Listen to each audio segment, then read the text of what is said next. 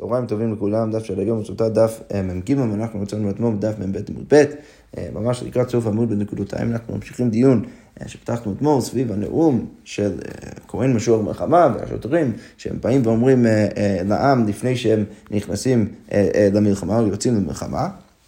וראינו שם בסוף המשנה ש, שהמשוח מלחמה צריך להגיד לעם שלמרות שהגויים מגיעים בכל מיני גיבורים שלהם, בכל זאת הם מגיעים מניצחונו של מקום עם, עם שמו הקדוש של הקדוש ברוך הוא, אתם מביאים יחד איתכם את הארון, ואתם, אי אתם כן, אתם לא אמורים לפחד כי הקדוש ברוך הוא נלחם בשבילכם. אז הגמרא שואל וכל כך למה? למה צריך להזכיר כל דברים האלה, במיוחד למה צריך להזכיר את זה שמביאים את הארון? אז הגמרא אומרת, מפני שהשם בכל, בכל כינוייו מונחים בארון, בגלל ששמו הקדוש של הקדוש ברוך הוא כל הכינויים של הקדוש ברוך הוא מונחים בארון, ולכן זה יעזור לכם במלחמה. וכן הוא אומר, הגמרא אומרת, וישלח אותם משה אלף למטה לצבא, אותם ואת פנחס. אז הוא עכשיו דורש את הפסוק, אותם אלו סנהדרין. פנחס זה משוח מלחמה, אז פנחס היה הכהן משוח מלחמה. בהמשך הפסוק כתוב, וכלי הקודש זה ארון ולוחות, ולוחות שבו. וחצוצרות, וחצוצות התרועה, אלו השופרות, הגמרא אומרת. אז, אז בזה אנחנו רואים שכל הדברים האלו צריך לשלוח אותם יחד עם העם למלחמה. אוקיי, כתוב בברייתא תנא, לא לחינם הלך פנחס למלחמה. אז פנחס שלח למלחמה נגד, מניין, נגד מדיין, הוא לא סתם הלך, אלא למה הוא הלך? אלא להיפרע דין אבי אמו, אלא הוא בא כדי להיפרע את הדין של סבא שלו, של אבי אמו, שהגמרא כרגע מבינה שזה יוסף הצדיק, שנאמר, והמדיינים מכרו אותו למצרים, שהמדיינים הם האנשים שלקחו את יוסף ומכרו אותו למצרים. אז לכן, לא רק שפנחס היה קוראים לשוח מלחמה, אלא, אלא זה היה לו גם כן אינטרס אישי בזה שהוא יצא נגדם למלחמה. הגמרא אומרת, רגע, באמת פנחס מיוסף אטימה, אתם רוצים להגיד, אתם רוצים להגיד לי באמת שפנחס מגיע מיוסף והכתיב ואלעזר בן אהרון, שהוא אבא של פנחס, לקח לו בבנות פותיאל ללא לאישה. אז משמע מזה שמה, שאשתו של אלעזר, היא לא הייתה מיוסף, אלא מאי לאו דעתי מיתרו, לכאורה משמע שקוראים לה אה, מבנות פותיאל, כי היא מגיעה מיתרו. למה זה רלוונטי ליתרו? שפיתם עגלים לעבודה זרה, שהוא פיתם כל מיני עגלים כדי להקריב אותם לעבודה זרה. אז לכאורה משמע שהאימא של פנחס מגיעה מיתרו ולא מיוסף. אומרת לא, זה לא נכון, לא. מיוסף דווקא אה, בנות פותיאל, למה קוראים לה בנות פותיאל? אשתו של אלעזר, אימא של פנחס. למה? כי מיוסף שפטפט ביצרו, היא מגיעה דווקא מיוסף, שפטפט ביצרו, הוא דחה את, את היצר שלו. אה, אה, ולכן קוראים לבת שלו מבנות פותיאל. הגמרא אומרת, רגע, והלא שבטים מבזין אותו, רגע, אנחנו אבל מכירים סיפור שהשבטים היו מבזים את פנחס. ראיתם בן פוטי זה, בן שפיתם אבי אמו אגם לעבודה זרה, יהרוג נשיא מישראל? מה, מה הוא חושב שהוא כזה חשוב, יכול עכשיו להרוג נשיא מישראל בסיפור שם אה, בסבב במדבר? אז מה אנחנו רואים מהסיפור? שכולם הבינו שהוא מגיע מיתרו. אז אלא מה צריך להגיד? אי אבו עדי, יש שתי אופציות. אי אבו עדי אימי מיוסף, אם אתה רוצה להגיד שהאבא של האימא שלו הייתה, היה מיוסף, אז אימי די אימי מיתרו, אז צריך להגיד שהאימא של אימא שלו, סבתא שלו מיתרו. אם אתה רוצה להגיד הפוך, והיא אימי די אימי מיוסף, אבו עדי אימי מיתרו.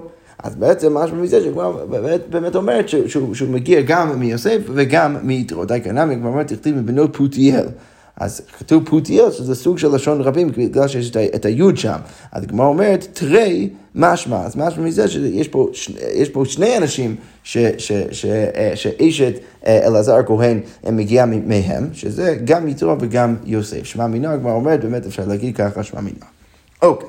מתנים. עכשיו אנחנו נמשיך במשנה הבאה, במשנה עכשיו ממשיכה את הסיפור אה, של הכהן משוח מלחמה, אבל כאן אנחנו נכנסים דווקא לדיבורים, לדיבורם של השוטרים. עכשיו, השוטרים, כתוב בתורה שהם היו גם כן, הם גם כן היו צריכים לדבר על העם, כתוב ככה בתורה, ודיברו השוטרים אל העם לאמור, מי האיש אשר בנה בית חדש ולא חנכו, ילך וישוב לביתו, פן ימות במלחמה ואיש אחר יחנכנו, ואז אחרי זה כתוב גם כן, כפי שאנחנו נראה, בן אדם שנטע כרם, בן אדם שהרס אישה, כל האנשים האלו אמורים עכשיו לחזור הביתה. אז המשנה אומר ככה, דיברו השוטרים אל העם לאמור, מי האיש אשר בנה בית חדש ולא חנכו, ילך וישוב לביתו וגומר.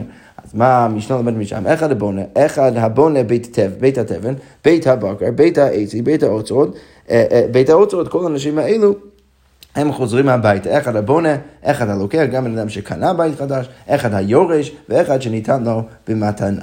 אוקיי, כתוב שם בהמשך, ומי האיש אשר נטע כרם ולא חיללו. עכשיו, מה, מה הפשט חיללו? חיללו, מה שכותב, זה, זה, הפד, זה הפדיון שצריך לעשות, לוקחים את, ה, את, ה, את, ה, את הענבים, מה שנקרא של נטע רבעי, ולוקחים את, ה, את הענבים האלו ואת הפירות האלו, ופודים אותם, כמו שעושים במעשר שני, פודים אותם על כסף, מביאים את הכסף לירושלים, ואוכלים את זה שם בירושלים בקדושה. עכשיו, התורה אומרת שמי זה הבן אדם שנטע כרם ועוד לא עשה את המעשה הזה ולא חיללו וגומר. אז מה לומדים משם? כמו שאמרנו למעלה, אחד הנוטע כרם ואחד הנוטע חמישה אילונים מאכל, כמו גם בן אדם שנוטע כרם, גם הוא כלול בתוך הפסוק, זה הפשוט, וגם כן בן אדם שאפילו נוטע חמישה אילני מאכל באיזושהי צורה מסוימת שרש"י מסביר, גם אה, הבני אדם האלו אה, חייבים לחזור הביתה, ואפילו מחמשת המינים, אפילו אם זה מחמישה מינים שונים, גם שם אנחנו נגיד שהוא חוזר הביתה. אחד הנוטע, אחד המבריך. ואחד המרכיב. עכשיו, מה זה מבריך ומרכיב? אז מבריך זה פעולה שבו לוקחים איזשהו ענף של, אה, של עץ, ושמים את זה בתוך הקרקע כדי שזה יגדל שוב אה, כעץ או כגפן, ואחד המרכיב, מרכיב זה, זה, זה איזושהי פעולה שלוקחים ענף מעץ מסוים, שמים את זה, מרכיבים את זה לתוך ענף אחר, או, או, או לתוך עץ אחר, ואחד הלוקח, ואחד היורש, ואחד שניתן לו במתנה, אז כל האנשים האלו גם כן צריכים לחזור הביתה.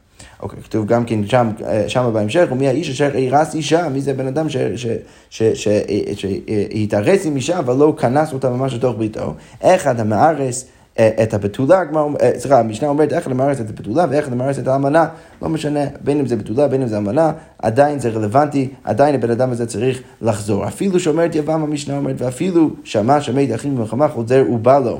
אז, אז גם בן אדם שומע ש, שאחיו נפטר ללא בנים, רחמנא ליצלן, אז גם הוא צריך לחזור הביתה, כי יש לו עכשיו יבמה שמחכה לו אה, בביתו.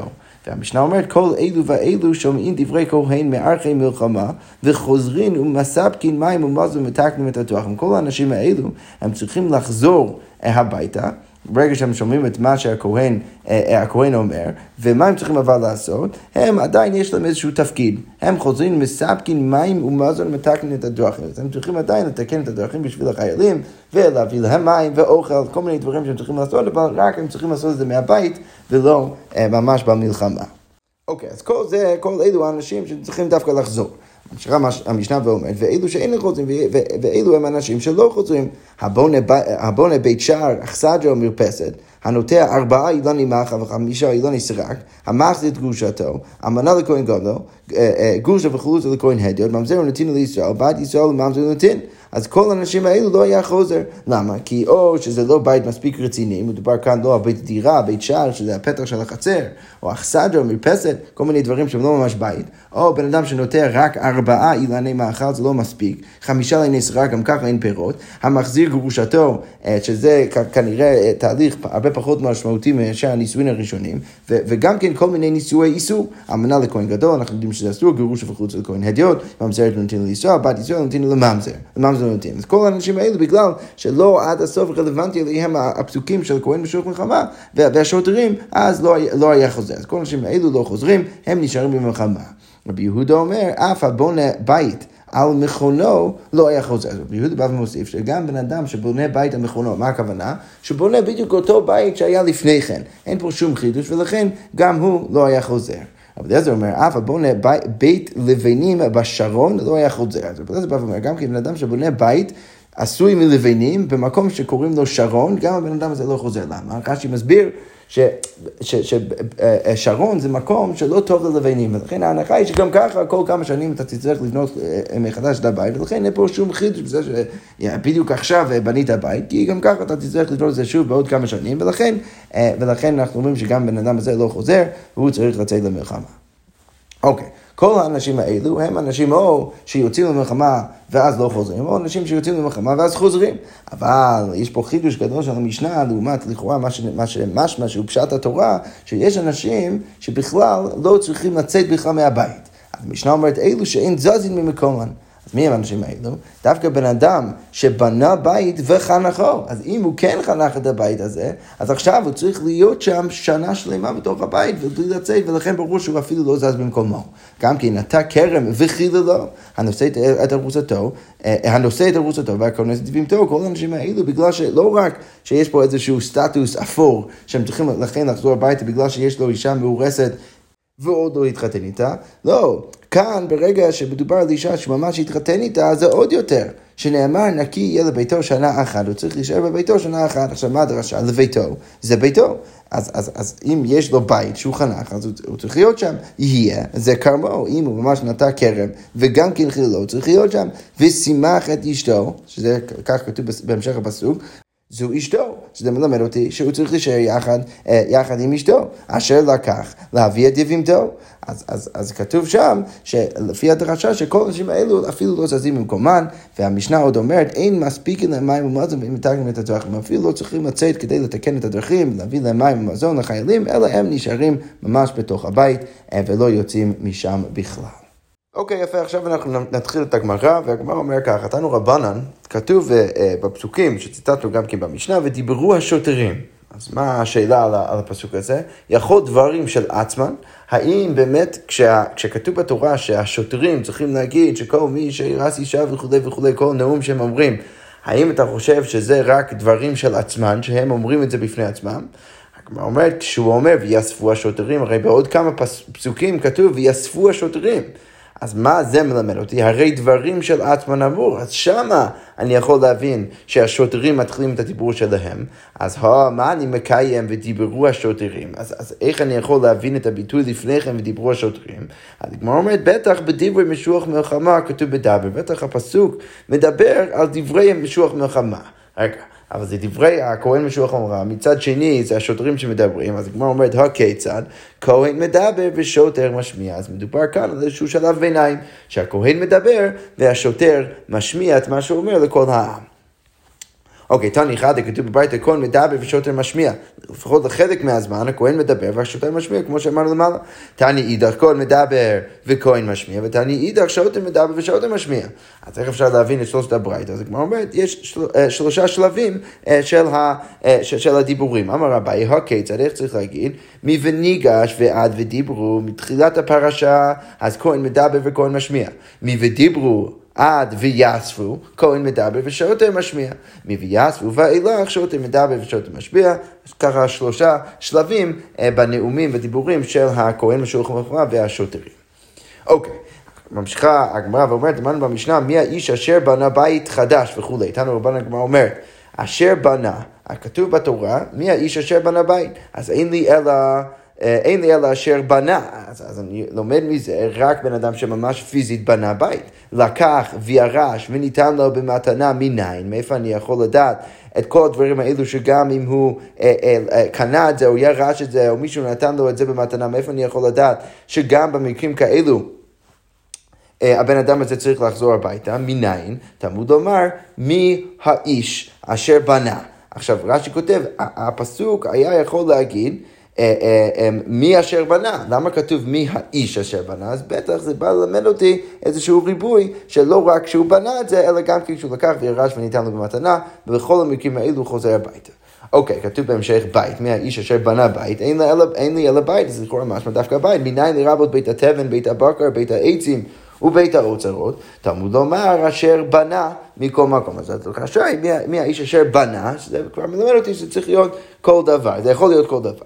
אה, יכול שאני מרבה אף הבונה בית שער, אכסדרה מרפסת. אולי אני מרבה גם כן בן אדם שבונה בית שער, שזה בכניסה לחצר שלו, אכסדרה מרפסת. אמור לומר, בית, לכן כתוב בית, שזה ממעט את שלושת הדברים האלו. איך זה ממעט מהבית הראוי לדירה, כמו שבית צריך להיות משהו שראוי לדירה, זה אף כל ראוי לדירה. יפה. אוקיי, אז על כל זה רב לזמן יעקב אומר בית כמשמעו, אתה לא צריך את כל הדרשות. הפנציות האלו, אתה יכול רק להגיד, כתוב בית כמשמעו, משם לומד שזה ממעט כל הדברים שהם כמו בית, ו- ומרבה כל שאר הדברים. אוקיי, כתוב שם אה, גם כן בתורה, לא חנך ולא חנכו, מי אשר בנה בית ולא חנכו. עכשיו הגמרא אומרת שאפשר לדרוש את זה שכתוב חנכו, כי הרי יש פה איזה, בעצם, בעצם הפסוק היה יכול להגיד חנך, זה שכתוב חנכו זה נותן לי עוד דרשה, מה זה בא למעט? פרט לגזלן, זה בא למעט בן אדם שגזל בית. אז לכאורה משהו מזה שבן אדם שהוא גזלן, למרות שיש לו בית חדש תכלס, הוא צריך, הוא, הוא צריך עדיין לצאת למלחמה, לא יכול לחזור. הגמרא אומרת, לאמא דלא קרבי יוסי הגלילי. לכאורה משמע שהברייתא כאן, שממעטת את הגזלן מדין הבית, מהדרשה על חנכו, לא סוברת כמו רבי יוסי הגלילי. למה? דאי רבי יוסי הגלילי, כי אם רצינו להגיד שהברייתא כאן אליבא דרבי יוסי הגלילי, הוא אמר, הרי רבי יוסי הגלילי דרש חלק אחר של הפסוקים, כשכתוב ורך על לבב, כשאומרים שבן אדם שהוא רך על לבב, הוא מפחד מהמחמר, כשגם הוא צריך לחזור הביתה. על, המי, על איזה בן אדם מדובר, אז רבי יוסי הגלילי אומר, ורך על לבב זה המתיירא מעבירות שבידו, זה בן אדם שיודע שיש לו עבירות, אין לו הרבה זכויות, הוא מפחד מה יקרה לו במלחמה. עכשיו, אם רצית להגיד שהברייתא ליבד רבי יוסף, לא היית צריך את הדרשה של לא חנך לא חנכו. למה? כי אתה כבר ממעט את הגזלן מדין דין שהוא עבריין. אז הוא כבר, אז כבר ממעטו אותו. אז למה אני צריך את הדרשה של חנך ולא חנכו? כנראה שהברייתא לא סוברת כמו השיטה של רבי יוסי הגלילי. הגמרא אומרת לו זה לא כך נכון, למה? אפילו תן רבי יוסי הגלילי, אתה יכול להגיד שעדיין הברייתא ליבד רבי יוסי הגלילי, אה, אז למה בכל זאת צריך את הדרשה כדי למעט את הגזלן? כגון דאבה תשובה ויואב דמי. אולי מדובר בן אדם שהוא גזר את הבית, והוא עשה תשובה, והוא גם כן הביא את הכסף חזרה לבעל הבית. אז, אז לכן אני צריך בכל זאת את הדרשה, אפילו אם אני סובר כרבי יוסי הגלילי שאומר שכל עבריין לא יוצא למלחמה, בכל זאת אני צריך דרשה כי הבן אדם הזה הוא כבר לא נחשב עבריין, למה הוא עשה תשובה, הוא הביא את הכסף. ולכן אני ממעט אותו מדין זה שהוא גזר.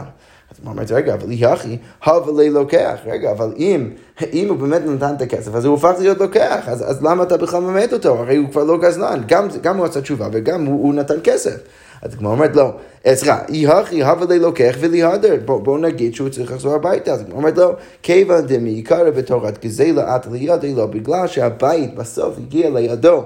בתורת גזלה, אז למרות שהוא עכשיו נתן את הכסף, עדיין אנחנו לא יכולים לאפשר לו לחזור הביתה, לבית שלו, שעכשיו שלו, אלא הוא צריך לצאת אה, עדיין למלחמה. אוקיי, אמרנו גם כן במשנה, מי האיש אשר נטע כרם, כך כתוב בתורה, ודרשנו את זה גם כן במשנה. אז כמו אומרת לנו רבנו אשר נטע, כתוב uh, uh, בתורה אשר נטע, אין לי אלא נטע, אז, אז, אז לכאורה משהו מזה, רק בן אדם שממש פיזית נטע כרם, רק הוא חוזר, לקח וירש וניתן לו במתן המיניים, מאיפה אני יודע שצריך לרבות גם כן את שלושת המקרים האלו, תלמוד לומר, מי האיש אשר נטע. שכמו שאמרנו למעלה, גם כאן היית יכול להגיד מי אשר נטע, וזה שכתוב האיש, זה בא לרבות עוד בני אדם.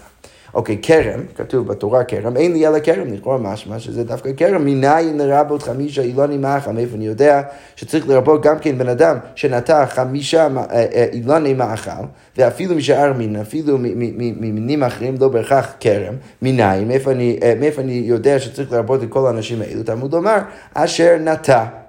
מכל מקום, כמו שדרשנו גם כן לפני כן. אה, יכול שאני אומר רבי הנוטע ארבע אילוני מאכל, חמישה אילוני סירק, תלמוד לומר כן, אולי היית חושב שצריך לרבות בן אדם שנוטע רק ארבע אילוני מאכל, או חמישה אילוני סירק שאין להם גם ככה פירות, לא, תלמוד לומר כרם, ולכן כתוב כרם, שזה ממעט אותם.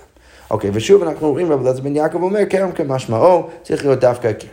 אוקיי, כתוב, אה, אה, גם כן אה, בתורה, מי אשר נטע כרם ולא חיללו. אז כמו שדרשנו לגבי לא חנכו, אז גם כאן לא חילל ולא חיללו, זה נותן לנו עוד דרשה. מה זה בא למעט? פרט למבריך למבריך ולמרכיב. זה ממעט את הבן אדם שלא באמת נטע כרם, אלא הוא סתם הבריך או הרכיב כרם חדש.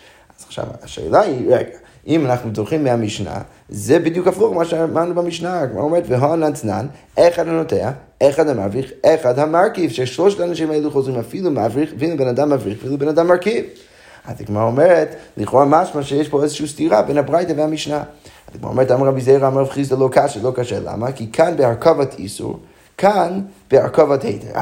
מתי אנחנו אומרים שהבן אדם צריך לחזור כשהוא הרכיב או, או הבריך? זה רק כשהוא עשה את זה בהיתר. עכשיו, למה יכול להיות שיש פה איסור? יהיה פה איסור אם הוא מרכיב שני מינים זה בזה.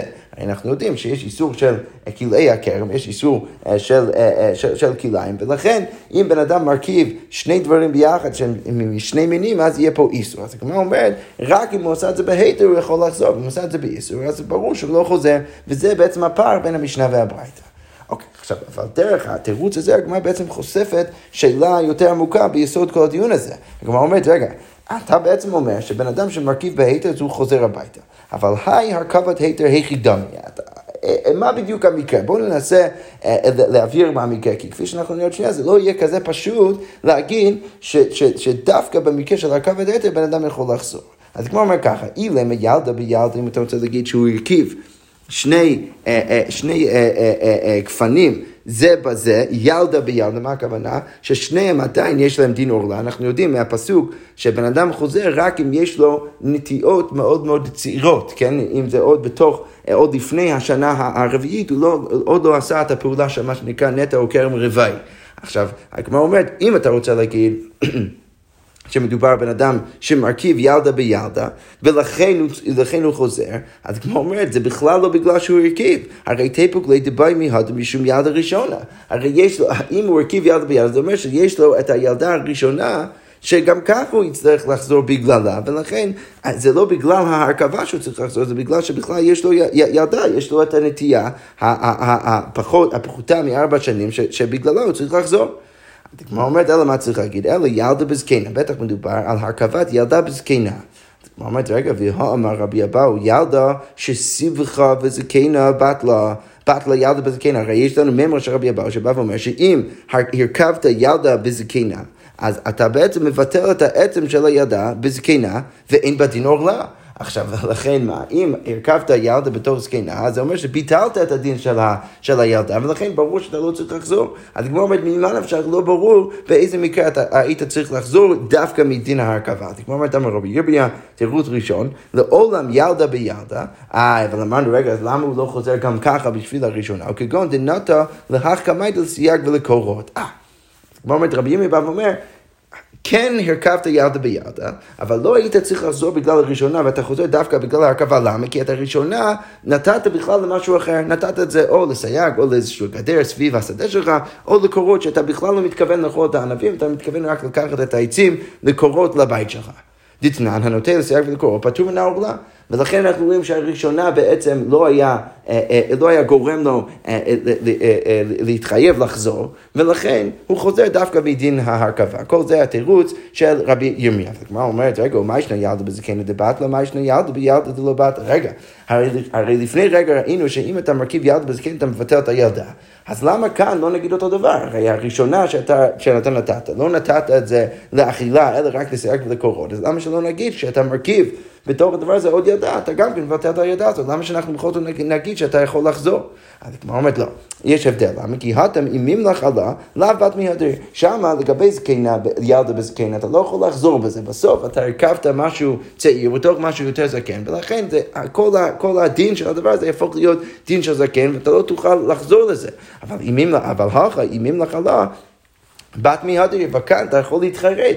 בסוף יש לך שתי נטיות צעירות, אתה יכול לחזור ולהגיד, אה, בעצם אני רוצה להשתמש בכן לענבים ולא למשהו אחר. ולכן ברור שאתה תוכל לחזור מדין ההרכבה. אז הגמרא אומרת, דהה מעיקר לפירות קיימא, כי, כי הרי גם מההתחלה זה, זה, זה קיים לפירות, ולכן הגמרא אומרת, מידי דהבה עלו מאליהן, שזה בדיוק דומה לדין של, של עשבים שעולים מאליהם. דתנן עלו מאליהם חייבים בעורלה. יש, יש הלכה שאם דברים עולים מאליהם, בגלל שאתה יכול עכשיו ליהנות מה... מהאוכל שלהם, אז, אה, אז הם חייבים בעורדה, ולכן כמו כן כאן, בגלל שאתה יכול להתחרט על זה, אתה יכול כן אה, אה, לחזור. אוקיי, בסדר, אז כל זה תירוץ של רבי ירמיה, אבל הגמרא אומרת, ולא כמו בכרם של שני שותפים. אז בוא אומרת, רגע, אולי היה לך תירוץ יותר טוב, למה שלא נעמיד את, ה, את המקרה בכרם של שני שותפים? אנחנו הרי מנסים למצוא איזשהו מקרה שמה, שאפילו אה, אה, אה, שבהרכבת היתר אתה תוכל לחזור. אה, מה היה הבעיה? הבעיה היה, הייתה שאם אפילו נגיד שזה ילדה בילדה, אתה, זה לא, אתה לא חוזר מדין ההרכבה, אתה חוזר מדין הראשונה. בסדר, לרבי ימי היה תירוץ יפה, אבל עכשיו הגמרא אומרת, רגע, למה שלא נגיד תירוץ יותר טוב? ולא כמו בכרם של שני שותפים, מה אני יכול להגיד? שהראשון חוזר בגלל ה... בגלל הנטע, הנטייה שלו שהוא נטע עכשיו, והשני חוזר מדין ההרכבה, והוא לא יכול לחזור מדין הראשונה כי זה לא שלו.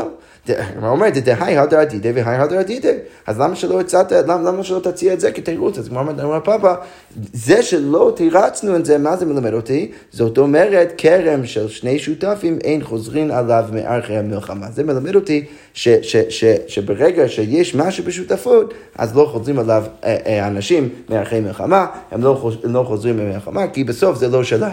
הגמרא אומרת, רגע, אבל אם אתה רוצה להגיד ככה, מה ישנו מחמישה אחים ומת אחד מהם במלחמה, כולם חוזרים. רגע, אנחנו יודעים דין אחר, שהוא לכאורה מקביל למקרה הזה, ושם אנחנו כן אומרים שהם חוזרים. איזה דין זה? אם יש חמישה אחים, אחד מהם נשוי, לא בנים, הוא נפטר במלחמה, רחמנא ליצלן. אז מה אנחנו נגיד? אנחנו נגיד שכל שאר האחים חוזרים. למה? כי יש לכל אחד ואחד מהם עכשיו דין ייבום.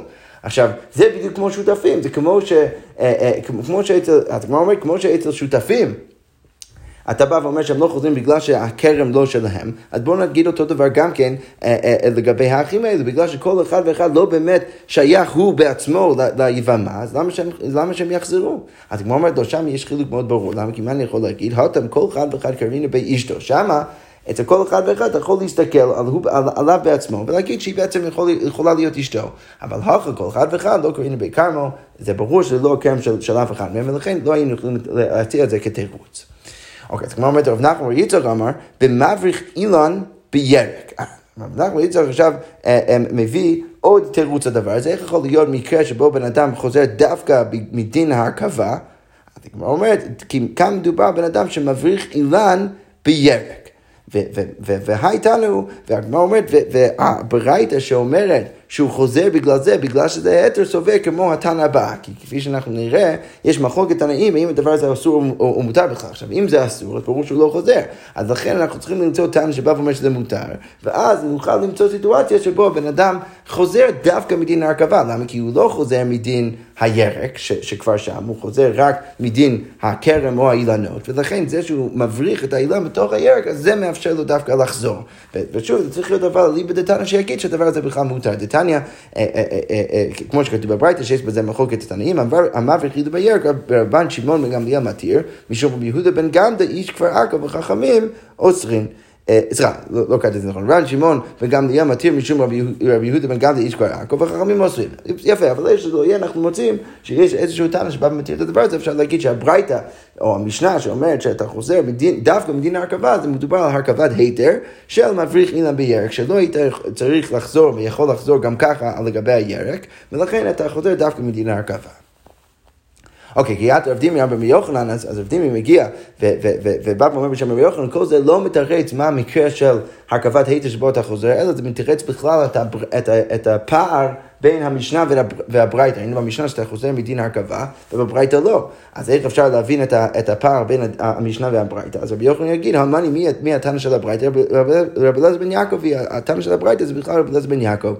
שמה רב אלעזר בן יעקב אומר? לא אמר רב אלעזר בן יעקב, הותם כרם כמשמעו, הרי הוא אומר דווקא כרם כמשמעו, צריך להיות כרם פשוט. ולכן הכה נמי נטע כמשמעו, נוטע אין, מבריך ומרכיב לא צריך להיות דווקא בן אדם נוטע ולא מבריך ומרכיב, ולכן אפשר פשוט להגיד שהברייתא סוברת כמו רב אלעזר בן יעקב, משנה סוברת כמו אה, הדעה יותר רווחת, שחולקת על רב אלעזר בן יעקב. אוקיי, אם גם ככה אנחנו ציטטנו את רבי יוחנן ביחס שלו לרבי אלעזר בן יעקב, אז כאן הגמרא ממשיכה עם כל מיני ממרות אה, בשמו של, רבי אלעזר בן יעקב. אז הגמרא אומר ככה, יתר רב דימי אמר רבי יוחנן משום רבי אלעזר בן יעקב, ילדה בחוטה מטפח חייבים בעורלה. אז אם יש... אה, אה, איזשהו גפן שהיא פחותה מטפח בגובה, היא חייבת בעורלה כל שנותיה, אפילו אחרי שהיא נהיית גדולה. למה? דמתחזק כבת שעתה, כי, היא נראית כאילו היא בת שנה.